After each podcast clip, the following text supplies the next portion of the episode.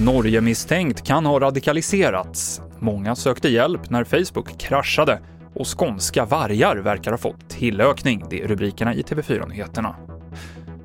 Ja, den man som är misstänkt för dådet i Kongsberg i Norge igår, då fem personer dödades, hade konverterat till islam och har haft kopplingar till radikala miljöer, det sa polisen på en presskonferens idag. Mannen är känd av polisen och medger omständigheterna kring händelsen.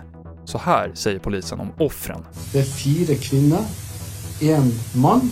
De är alla i åldern 50 till 70 år. Det är alltså fyra kvinnor och en man i åldrarna 50 till 70 år som mist livet, sa polischefen Ole Bredrup Säverud. Senaste nytt om det här på TV4.se. Nattens skjutning och sprängning i Helsingborg har troligen ingen koppling till varandra, säger polisen. En man i 20-årsåldern sköts i en gångtunnel vid ett-tiden och har opererats för livshotande skador. Ungefär en halvtimme efteråt så var det en kraftig detonation vid en nattklubb, men polisen tror alltså att händelserna är orelaterade.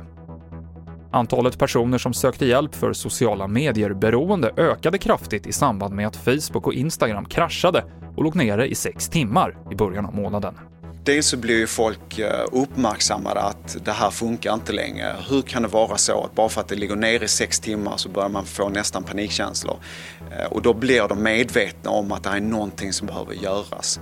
Och då söker de hjälp. Att de kanske då vill hitta eh, terapi, söka hjälp för att bryta det här tvångsmässiga beteendet.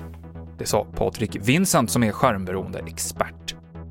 Och i vintras konstaterades det att en varghane och en varghona etablerat ett revir i Skåne, det första i modern tid.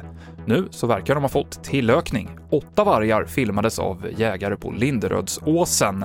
Och Länsstyrelsen säger att det ser ut som vargar men att man inte kan veta säkert eftersom de inte fått reda på exakt plats. Senaste nytt hittar du i appen TV4 Nyheterna. Jag heter Mikael Klintevall.